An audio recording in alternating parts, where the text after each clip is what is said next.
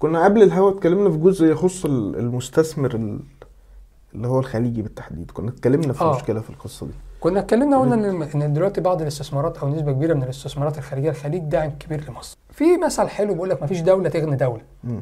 يعني هو بيديك على قد ما يقدر استثمارات ودائع بنكية دول ودائع. يعني جزء كبير من احتياطياتك في البنك المركزي ودائع ب- خاصة بالخليج. مم. الخليج يبدي انزعاجه من من اللي بيحصل في السوق المصري. بعض الناس أو المواطنين المصريين اللي هو مش فاهم اقتصاد ومش عارف إزاي تدار اللعبة اقتصاديا يطلع يقول لك طب ما أنا كل يوم ببيع شركة للخليج.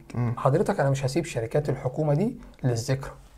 الخليج لما بيجي يشتري معاك ما بيشتريش الشركة بنسبة 100% أو 50% هو بيشتري معاك بنسبة 20% 30% 40% مش عايز يشغل دماغه بعبء الإدارة. وأنا همول وأنت طور واشتغل ودور. واطلع.